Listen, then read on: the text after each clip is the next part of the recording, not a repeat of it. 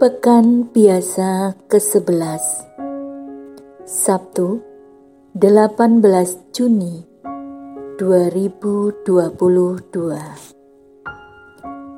Bacaan pertama diambil dari kitab kedua Tawarik bab 24 ayat 17 sampai dengan 25 Sesudah Imam Yoyada meninggal dunia, para pemimpin Yehuda datang menyembah raja. Sejak itu, raja mendengarkan mereka. Mereka meninggalkan rumah Tuhan, Allah nenek moyang mereka, lalu beribadahlah kepada tiang-tiang berhala dan patung-patung berhala. Oleh karena kesalahan itu, Yehuda dan Yerusalem tertimpa murka. Namun, Tuhan mengutus nabi-nabi kepada mereka supaya mereka berbalik kepadanya. Nabi-nabi itu sungguh-sungguh memperingatkan mereka tetapi mereka tidak mau mendengarkannya. Lalu roh Allah menguasai Zakaria, putra Imam Yoyada. Ia tampil di depan rakyat dan berkata kepada mereka, Beginilah sabda Tuhan, Mengapa kalian melanggar perintah-perintah Tuhan sehingga kalian tidak beruntung? Oleh karena kalian meninggalkan Tuhan, maka Ia pun meninggalkan kalian. Tetapi mereka mengadakan persepakatan terhadap Zakaria, dan atas perintah raja, mereka melempari dia dengan batu di pelataran rumah Tuhan. Raja Yoas tidak ingat akan kesetiaan yang ditunjukkan Yoyada, ayah Zakaria itu terhadap dirinya. Ia membunuh anak Yoyada itu dan pada saat kematiannya, Zakaria berseru, Semoga Tuhan melihatnya dan menuntut balas.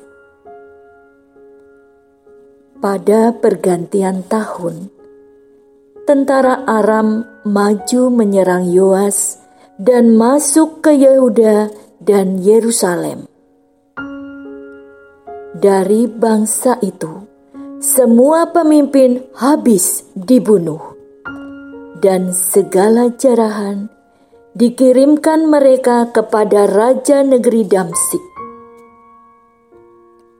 Walaupun tentara Aram itu datang dengan sedikit orang, namun Tuhan menyerahkan tentara yang sangat besar kepada mereka. Karena orang Yehuda telah meninggalkan Tuhan, Allah nenek moyang mereka. Demikianlah orang Aram melakukan penghukuman terhadap Yoas. Ketika orang Aram pergi, Yoas ditinggalkan dengan luka-luka berat. Lalu para pengawalnya mengadakan persepakatan terhadap dia karena darah putra Imam Yoyada mereka membunuh Raja Yoas di atas tempat tidurnya.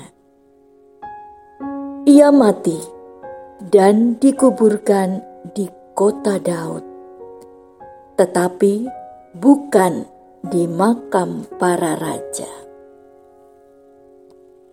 Demikianlah sabda Tuhan.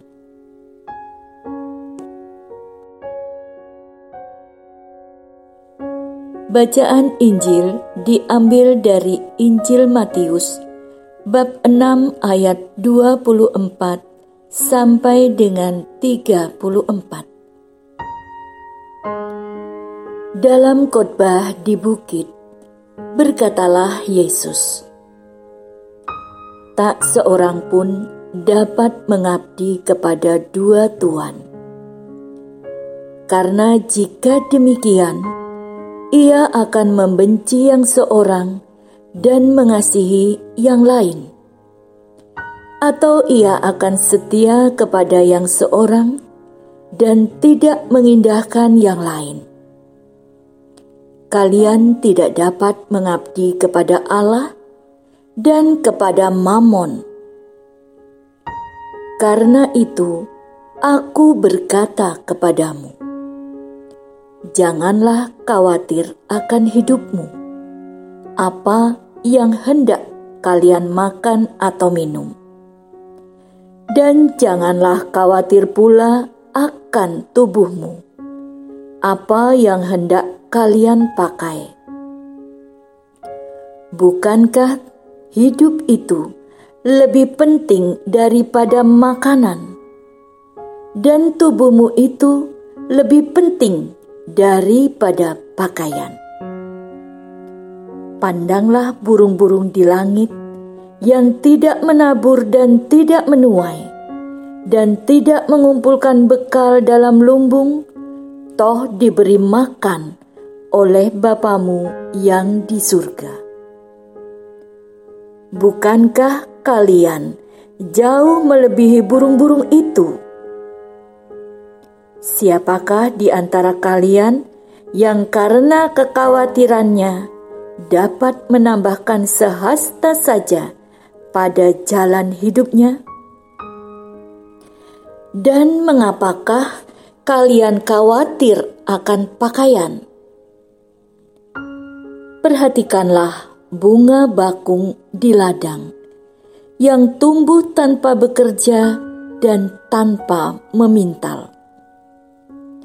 Namun aku berkata kepadamu, Salomo dalam segala kemegahannya pun tidak berpakaian seindah salah satu dari bunga itu. Jadi, jika demikian, Allah mendandani rumput di ladang yang hari ini ada dan besok dibuang ke dalam api. Tidakkah Ia akan lebih lagi mendandani kalian? Hai orang yang kurang percaya, maka janganlah kalian khawatir dan berkata, "Apakah yang akan kami makan? Apakah yang akan kami minum? Apakah yang akan kami pakai?" Semua itu dicari bangsa-bangsa yang tidak mengenal Allah.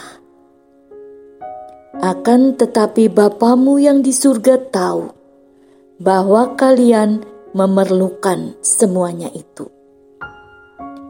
Maka carilah dahulu kerajaan Allah dan kebenarannya. Maka semuanya itu akan ditambahkan kepadamu. Sebab itu, janganlah kamu khawatir akan hari esok, karena hari esok mempunyai kesusahannya sendiri. Kesusahan sehari cukuplah untuk sehari. Demikianlah sabda Tuhan.